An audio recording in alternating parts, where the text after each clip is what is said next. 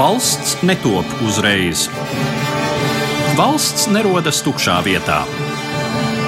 Latvijas valsts saknes meklējamas mūsu tautas un zemes vēstures gadsimtos. Šogad Latvijas simtgadi gaidot, ieskicējām šo vēstures gaitu, raugoties caur spilgtu un laikmetus raksturojošu personību prizmu. Raidījumu cikls septiņi gadsimti ceļā uz valsti ēterā katra mēneša pirmajā trešdienā Latvijas Radio 1. Labdien, cienījamie klausītāji! Šodien mūsu sarunu virknē esam nonākuši līdz 19. gadsimta otrās puses latviešu rūpniecības aizsākumiem, un mūsu šīs dienas varonis, viens no pirmajiem ievērojamajiem latviešu rūpniekiem, Augusts Dombrovskis. Mani sarunbiedri šodienas studijā - vēsturnieks Mārtiņš Mintaurs, labdien! labdien. Un literatūra vēsturnieks Andrejs Grāpis, labdien! Labdien! Runājot par Dombrovski, viņa darbības Redzamie rezultāti joprojām ir skatāmi Rīgas ainavā, proti Vecmilgrāvī, kur eh, atrodas Burtnieku nams, kur atrodas Ziemeļblāzmas biedrības nams, šie tā laika spilgti arhitektūras paraugi, un arī paraugs tam, kā šis cilvēks veidoja ap sevi pozitīvu, apkārtējos rosinošu viņu dzīvi, sakārtojošu vidi. Par Augustu Dombrovski zināmā mērā jāsaka tas, ko angliski mēdz teikt par self-made man. Tātad cilvēks, kurš ir ticis pie savas turības, ticis pie sava tam laikam visnotaļ ievērojamā kapitāla ar pamatā paša pūlēm. Vispirms varbūt par Augusta Dombrovska biogrāfiju. Nu, runājot par Augusta Dombrovska biogrāfiju, vispirms ir jāsaka, ka viņš ir jau, ja tā drīkst teikt, Latviešu nacionālās uzņēmēju darbības otrās paudzes pārstāvs. Pirmo paudzi pārstāv viņa tēva brālis Jēkabs ar sievu Katrīnu, kuri 19. gadsimta rūpnieciskās ražošanas attīstībā Latvijā pārstāv pirmo paudzi, kas no roku darba pārgāja uz mehanizētu darbu. Viņu uzņēmums Čengaragā šajā ziņā viens ir no veiksmīgākajiem tādiem gadījumiem, un arī tas deva iespēju nodarboties ar mecenātismu. Ja mēs pieminam etnogrāfiskās kolekcijas Latvijā, tad Latviešu biedrības Katrīnas Dombrovskas lielā lāde, kā viņu dēvēja tajā laikā, ir aizsākums ārkārtīgi tālējošiem pētījumiem un kolekcijām šajā jomā. Ja mēs runājam par pirmsskolas izglītību, tad Katrīnas Dombrovskas bērnu patversme ir šāds aizsākums, ko mēs šodien pazīstam ar dažādiem nosaukumiem, bet vienojošu jēdzienu bērnu dārstu. Augusts Dombrovskis pieder pie nākamās paudzes. Kokapstrāde ir sezonāls darbs.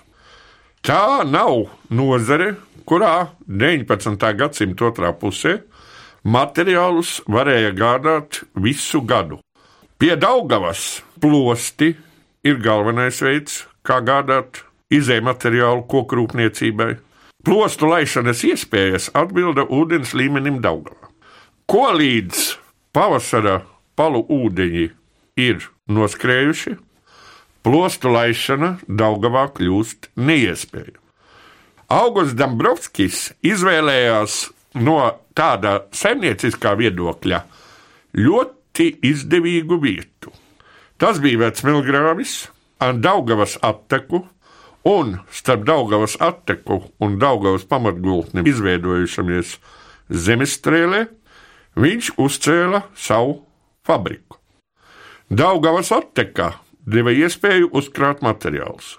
Savukārt fabrikas pieeja Daugavai radīja iespēju iekraut gatavo produkciju eksportam. Turklāt upes dziļums šeit bija ievērojams, un tā ir pirmā tāda saimnieciski geogrāfiska priekšrocība, kas viņam ļāva attīstīties.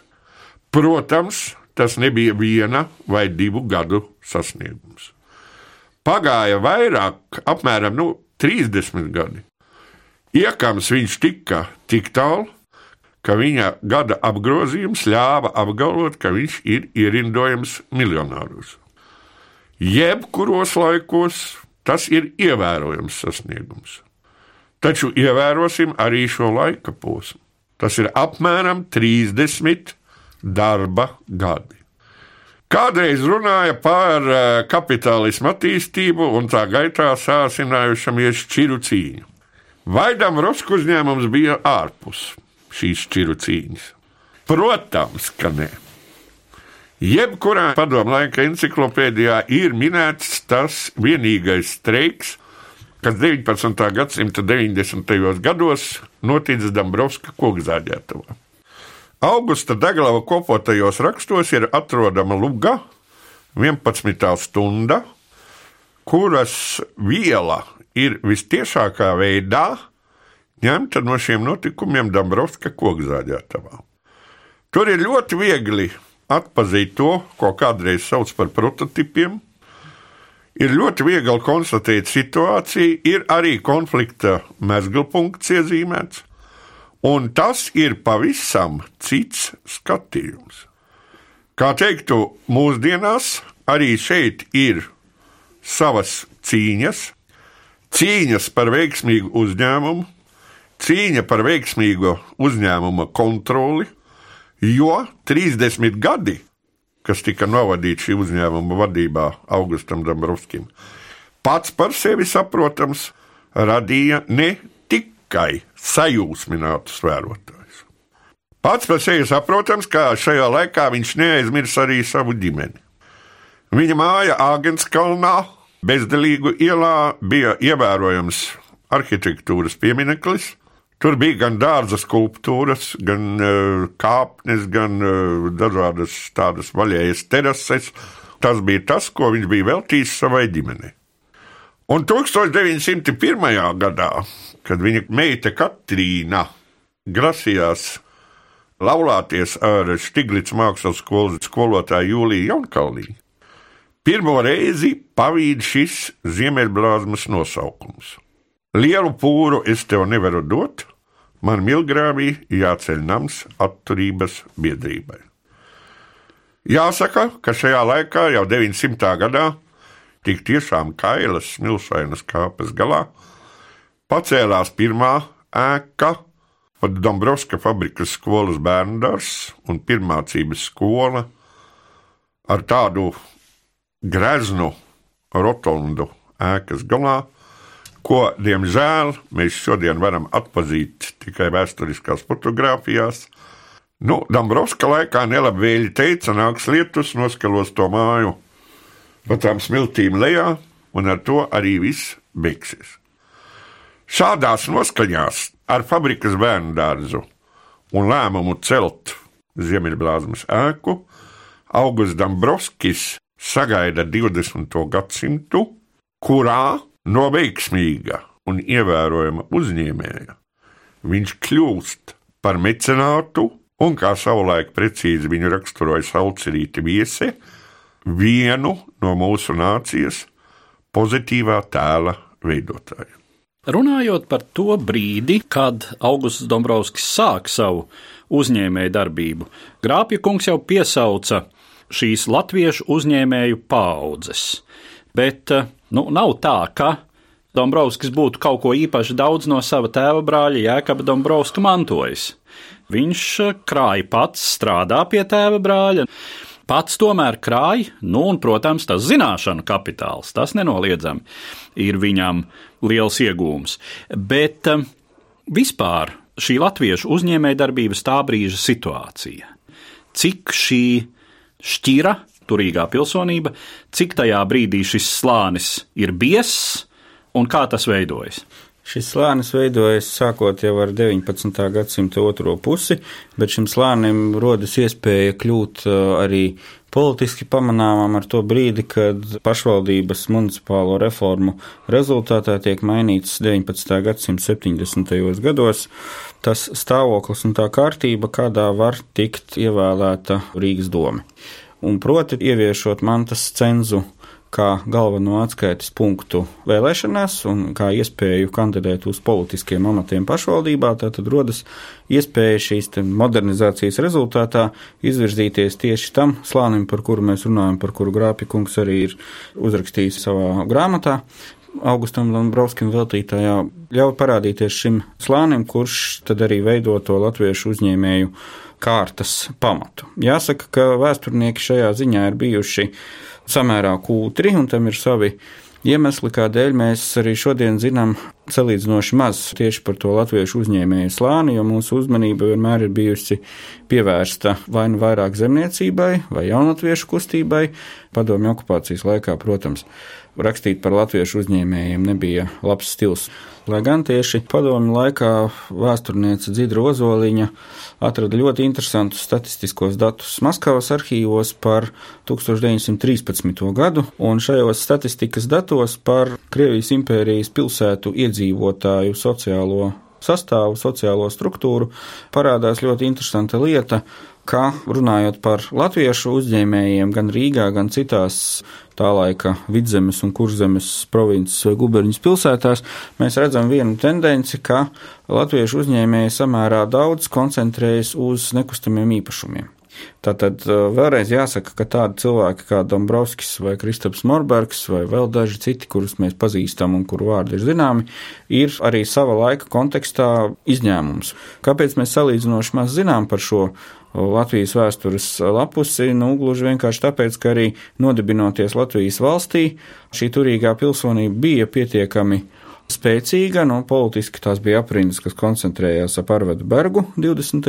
un 30. gados, bet mainoties situācijai pašā Latvijā un nākot pie varas Kārļa Ulmaņa autoritāram režīmām, ir skaidrs, ka arī teiksim, tas uzmanības fokus galvenokārt koncentrējās uz zemniecību, jo parādās stāsts par latviešiem kā par uh, zemniecības uh, nāciju.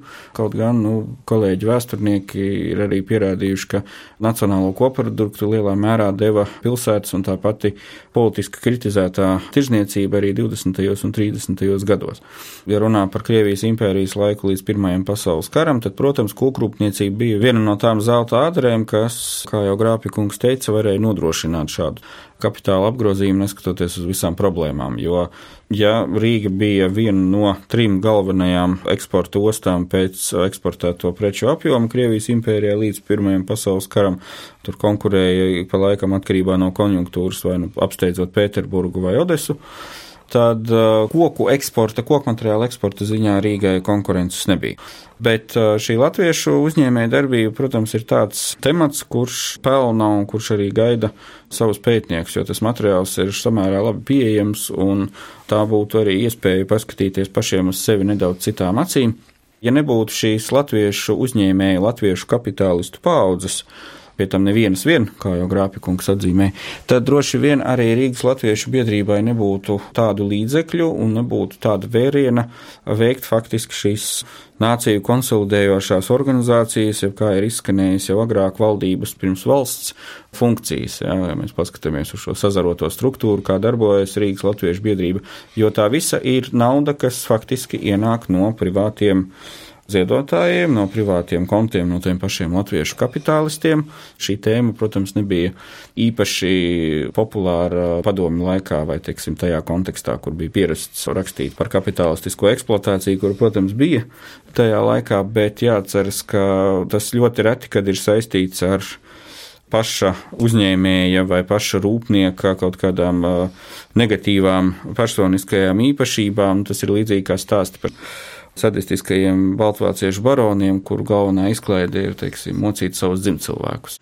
Tā laika ekonomiskā sistēma, kas ir pietiekami brutāla, kas ir nežēlīga, kas patiešām izspiež no cilvēka visus spēkus un enerģiju, kamēr tas ir iespējams. Bet neskatoties uz šo ārkārtīgi nežēlīgo, jāsaka, dabisko atlasu, tā laika potenciāls bija pietiekami liels, lai cilvēki ne tikai sabruktu zem smaga darba, bet ar visu to tas iedeva ļoti stabilus pamatus. Jāsaka, ka šī ārkārtīgi smagā skola un dārgi samaksātā skola, tā tālēn runājot par ekonomisko un arī politisko pieredzi, ka tā tomēr ļāva nonākt arī pie Latvijas valsts, neskatoties uz visiem Pirmā pasaules kara un zaudējumiem. Par Dombrovska šo mecenātismu sabiedriski nozīmīgo darbību. Ziemeļblāzmas nams tā ir atturības pret alkohola biedrība. Šai videi ir jārada strādniekos vēlme pēc citādas dzīves, pēc citādām izklaidēm, nu un turpat netālu ir šī burtnieku māja, pansija, kuru Dombrovskis velta radošiem ļaudīm kas mūsdienu dažam labam uzņēmējam šķiet eh, īstenībā plānā galdiņu urbēju un eh, lieka līdzekļu tērēšana. Jā, tas būtiskais jautājums, kas bija šis eh, garīgais un psiholoģiskais resurss, kas šim pie turības tikušajam vīram, kas viņam liek, ja mēs tā varam par to paspekulēt, dalīties ar kaut kādiem rakstniekiem, domāt par to, ko dara un kā dzīvo viņa strādnieki. Runājot par mecenātismu latviešu sabiedrībā, izmantojot gadījumu, gribas pieminēt pirmo, kuru Rainis ir apzīmējis par tā saucamo tētiņu paudzi. Un šīs tētiņu paudzes spilgtākais pārstāvis, daudzu studentu aizgādnis, ir koknes vecsaimnieks Jānis Stučka, kura dēls Pēteris 20. gadsimtā ir pie daudz kā vainīgs, un varbūt tieši tāpēc tētiņš ir noklusēts. Viņš praktiski iedibināja to principu, kuru savā mecenāta darbībā spilgti lietoja Augusts Dombrovskis. Un tas ir princips, ko ir aprakstījis Kārlis Kalbe. Proti, ja kādam kaut kas jādod, viņš pasauc maliņā, iedod un pasaka, bet tikai tā, ka tu nevienam nesaki. Un visi, kas šādā veidā ir saņēmuši pabalstu gan no Jāņa Stučkas, gan no Augusta Dabrovska, būtībā arī savu solījumu ir turējuši. Un tieši tāpēc tīri šis veids ir arī tāds, kas, var teikt, ir latviešu nacionālās inteliģences izveidē, ir bijis ārkārtīgi auglīgs, bet par kuru līdzgalam mēs nekad neko nenoskaidrots. Kas attiecas uz vecmilgrāvi, tad Ziemeļblāzma bija alternatīva Rīgas Latviešu biedrībai. Alternatīva vienā vienīgā apstākļā, un tas bija bezalkohola dzīves veids. Tas pirmkārt nozīmē vecmilgrāvi kā ciematu. Tad, kad desmit strādnieku vietā radās 50, 50 strādnieku vietā rodas 100, viņi ir jāpiesaista šai vietai, lai nebūtu transporta izdevumu. Un tā ir maģistrāla nostādne 20. gadsimta sākuma jebkuras vietas attīstībā. Viņiem ir arī jāgādā ne tikai par infrastruktūru, par veikalu, frizētavu, zobārstu, doktorātu. Nu, paldies Dievam, baznīca jau bija vairākus gadsimtus, bet ir jāgādā arī par brīvā laika pavadīšanu. Un Ziemeļblāzma, kas laika posmā līdz Pirmam pasaules karam, tik tiešām varēja lepoties ar to, ka savos sasniegumos, savos pašdarbības, pusprofesionāla teātras sasniegumos, kora, orķestra sasniegumos patiešām piederēja pie labākā, ko savs laiks varēja sniegt, bija kā alternatīva bez alkohola lietošanas biedrības telpās un biedrības dārzā. Protams, var atrast veselu virkni atmiņu, kā nu kuru reizi ar to nelietošanu tajā pašā biedrības dārzā un biedrības svētkos bija. Taču tas ir atsevišķais tas arī ir tajā laikā samērā stipri pret uh, ikdienas dzīves tradīcijām. Ja. Šī alkoholisma problēma ir gan Skandināvijā, gan Krievijas impērijā, gan visur. Ja. Tas nāk līdzi kā modernizācijas laikmetā viena no ēnas pusēm, ja, jo saistīts gan ar psiholoģisko stresu, gan ar pārstrādāšanos, gan ar visu pārējo, ja, gan vieglāko un lētāko pieejamo izklaides un atslodzes veidu. Ja arī šai pretalkohola kustībai ir ne tikai teiksim, ekonomisks efekts, bet ir arī nu, morāli audzinoša jēga un nozīme. Ja? Tāpēc, ka tiešām veidojas viena strādnieku priekšpilsēta, kurā teiksim, šī alkohola problēma ir, ir mazāka nekā citur, nekā Maskavas Forštatē vai kādā citā rūpniecības rajonā. tur redz, ka ir iespējams arī savādāk tajos apstākļos dzīvot. Jo nekāda sanatorija, protams, ka šie 20. gadsimta sākumā ražošanas uzņēmumi nav tiem, kas tajā strādā. Jā. Bija šis bezalkohola princips. Tas tika ievērots arī Burtnieku namā. Jo, lai saņemtu šo uzaicinājumu Burtnieku namā, bija jābūt pirmkārt, cik necik panākumus guvušam latviešu rakstniecībā, otrkārt, apliecinājušam savu nostāju 1905. un 1906. gada brīvības cīņās, un treškārt, bezalkohola dzīvesveida iespējamība. Īres maksa varēja būt atcelta, ja mākslinieks vai rakstnieks līdzdarbojās bezalkohola biedrībā Ziemeļblāzā. Un šādi biedrībai tika piesaistīts Jānis Jaunsudrabiņš, tika piesaistīts Leons Paegli, Lizete Skalbe darbojās biedrības bibliotekā, līdz ar to arī Kārlis Skalbe, lai cik lirisks un nepraktisks būdams, arī baudīja zināmu labvēlību.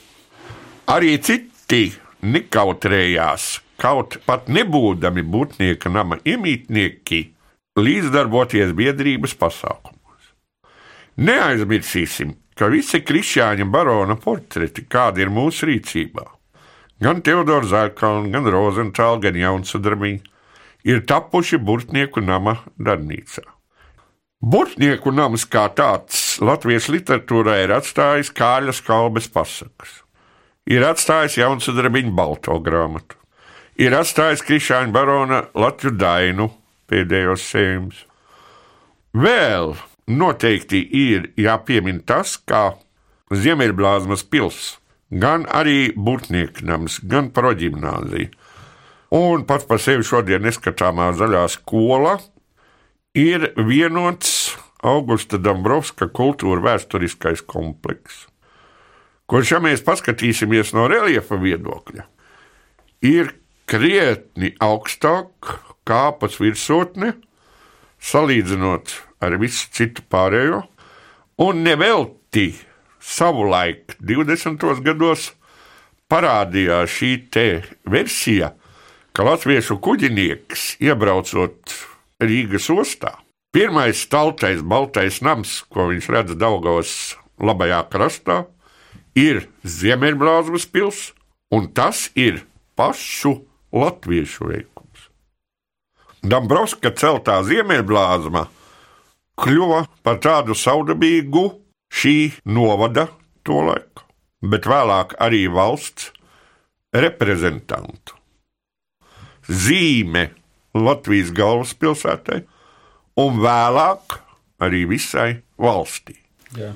Vēl atgriežoties pie tā, kas tad lika Dombrovskim un viņa laika biedriem dalīties, nevis palikt tikai pie tās peļņas, ko viņi bija ieguvuši. Es domāju, ka tas ir arī saistīts ar to, kāda vispār bija tā laika dzīve un, teiksim, laikmeta gars, jo, ja mēs paskatāmies uz 19. gadsimtu gan mūsdienu Latvijas teritorijā, gan centrālajā, gan rietumē Eiropā. Tas ir laiks, ko daži vēsturnieki sauc par biedrību asociāciju vai teiksim, šādu tipu organizāciju laiku. Tie latviešu uzņēmēji, kā Dombrovskis vai Morbergs, kuri nodarbojas ar mecenātismu, viņi nav izolēti no tā laika latviešu sabiedrības kopumā. Un atkal varbūt, ka mums ir palicis kaut kāds iespējas no padomu laikā rakstītā par to, ka mēs iztēlojamies šos uzņēmējus kā tādus sautīgus kapitālistus. Manuprāt, ir jāņem vērā arī tas, ka tā patiešām bija paudze, kuras tiešie priekšteči vēl lielā mērā sakņojās tajā patriarchālajā dzīves izjūtā, kāda bija Latvijas laukos. Savas iespējas tur droši vien arī ir Hanhūtismam, Katrā atsevišķā gadījumā var atrast dažādus faktorus, bet tā bija paudze, kura bija vismaz savā bērnībā augusi tajās tradīcijās, kas ir tādas kopienas pašapziņas un kopienas kopā turēšanās lieta. Un tāpēc arī Dombrovskim un citiem tā laika uzņēmējiem šķiet, nu tā mēs arī varam spekulatīvi teikt, šķiet, ka varēja būt samērā pašsaprotami, ņemot vērā to, ka viņi paši bija patiešām uz savas ādas izbaudījuši visus teiksim, kapitālisma izpausmes un būvējuši savu turību sākot no pašiem pamatiem, tad nu, viņi vienkārši nezaudēja saikni ar realitāti. Viņi saprata, ka ir nepieciešams tas bērnu dārza strādniekiem, ka ir nepieciešama būtībā tāds savu veidu sociālais kapitālisms, jo kaut ko ļoti līdzīgu šiem vecmilgrāļu ziemeļblāzmas rajonam mēs varam atrast arī ap to pašu laiku, ap 19. gadsimta beigām, 20. gadsimta sākumu. Mēs varam atrast kaut vai tik tālā vietā kā Francijā, kur sāka veidoties Klermonā Ferrānā šī mūsdienu pazīstamā Mišelīna riepu rūpnīca, kas ir dzīvojamās ēkas, kas ir sociālā infrastruktūra un viss iespējamais, lai šeit uz vietas būtu normāli dzīves apstākļi un ražošanas apstākļi tiem, kas šeit dzīvo un strādā. Tā laika paudzē tas bija droši vien vieglāk saprotams, ka var ieguldīt naudu, protams, teiksim, privāto mākslas darbu kolekciju veidošanā, bet, kā jau Grāpja kungs pieminēja, es nevaru dot savai meitai pūru Dombrovska gadījumā, tāpēc, ka man ir jāpabeidz tas, kas ir paredzēts Ziemeļblāzmā. Un nevelti par piekto gadu arī jau pieminot, nevelti piektā gadā ne jau nejauši Ziemeļblāzma nodega, respektīvi tiek nodedzināta soda ekspedīcijas. Tas ir arī tāds simbolisks žests savā ziņā, lai zinātu savu vietu un lai pārāk neliktos ar, pastāvošo varu un iekārtu. Bet uh, par spīti tam, nu, šīs koka ziemeļblāzmas celtnes vietā izaug trīsreiz lielāks mūra nams savu laikmetu arhitektūrai atbilstoši. Tāpēc ir patiešām ļoti interesanti saprast, teiksim, kāds ir tā laika cilvēku domāšanas veids, jo var jau to skaidrot ar vienkāršu ekonomisku aprēķinu, ka, jā, protams, ir jārūpējas par savu strādnieku dzīves apstākļiem, gluži vienkārši, lai viņi labāk strādātu un būtu lielāka peļņa, bet es domāju, ka tam nāk līdzi arī kaut kāda tāda patriarchālā laikmeta atskaņas un, un sapratne par to, ka tas cilvēks, kas strādā tavā kokzāģētavā, viņš nav vienkārši darba spēks, un tā nav tikai strādnieku masa, bet ka tā ir arī, nu, savu veidu tāda apziņa par to, ka tie ir savējie un ka tāpēc par viņiem ir jārūpējas, un tāpēc arī ir, ir svarīgi šo pretalkohola kustību attīstīt, jo tikpat labi arī par mecenātismu rakstnieku un literātu vidē, nu, kaut kādu iemeslu dēļ šie cilvēki, kuriem nebija augstākās izglītības tā laika izpratnē uzņēmējus, es domāju, viņi ļoti labi saprata, tas jau nav tikai graznuma dēļ, tā ir apziņa par to, ka tie ir cilvēki, kas ir nepieciešami topošai nācijai, un nav pat īsti svarīgi, vai, teiksim, Rīgas Latviešu biedrība vai Dombrovskis domāja par to tādās kategorijās, ka šie cilvēki būs tie, kas veidos Latviešu kultūras zelta fondu, bet uh, galvenais ir tas, ka viņi saprata, ka ir vajadzīgas abas puses. Ir vajadzīgi gan uh, normāli abstrakti strādniekiem, gan arī šis inteliģences vai, vai intelektuāļu slānis, bez kuriem, teiksim, nācijas attīstībai būs ļoti ierobežotas iespējas. Un tas, ka to saprata uh, uzņēmējs ar tā laika dzīves pieredzi un tā laika izglītību, nu, tas liecina tikai viņiem par labu. Strādāt labi un strādāt labāk. Tas ir tāds interesants vārdu savienojums, pie kura varbūt vajadzētu pakavēties sīkāk. Strādāt labāk, tas nozīmē strādāt ražīgāk. Tas nozīmē zināmā laika posmā radīt vairāk produkcijas. Lai šis radītu nevis vienkārši vairāk, bet kvalitāti. Neviens lauksaimnieks nelepojas ar pavirši apārtu, pavirši noecētu, pavirši apsētu lauku lauka apstrāde, raža, tas ir zemnieku pašcieņas jautājums. Un ar šo zemniecisko pašcieņas apziņu bijušais zemnieks ienāk pilsētā, un no šīs pašas apziņas, ka šis darbs ir manas pašcieņas liecinājums, arī rodas apliecinājums tam, kas konkrēti izpaužās sasniegumos, materiālos sasniegumos, morālos sasniegumos, kultūras sasniegumos. Gala produkts, kurš apliecina manu pašcieņu. Jo kvalitatīvāks ir gala produkts, jo augstāka ir mana pašcieņa. Šis no zemniecības nākošais skatījums, manuprāt, ir tas, kas kopumā raksturo visu šo parādību. Ja es piedāvāju pavirši noslīpētu planku, Tas nozīmē, es necienu sevi. Ja es pieļauju, kā pēc rudens lietamām ielīdz ir dubļains un necaurējams, tā tad es necienu sevi. Uzņēmumā ir daudz skaidru, es noberu šīs ielas ar skaidām, ir nederīgi nomaļi, varbūt kaut kādiem pārdošanas standartiem neatbilstoši. Es no šiem nomaļiem ierīkoju dēļu ietves. Un arī tas ir pašcieņas jautājums. Dombrovskis sociāla-ekonomiskais eksperiments bija ne tikai izdevies, bet arī zināmā mērā pacēla to latiņu krietni augstu. Lai visu, kas tika padarīts pēc viņa, varētu salīdzināt ar to. Ar to es arī gribētu noslēgt mūsu šodienas raidījumu, kas bija veltīts latviešu uzņēmējam, mecenātam, Augustam Dombrovskim, un es saku paldies maniem sarunbiedriem, vēsturniekam Mārtiņam Mintauram un literatūra vēsturniekam Andrejam Grāpim. Septiņi gadsimti ceļā uz valsti. Mūsu vēstures gaita pretī valstiskuma tapšanai caur iezīmīgu personību prizmu skatīta. Raidījumu cikls ēterā katra mēneša pirmajā trešdienā Latvijas Radio 1.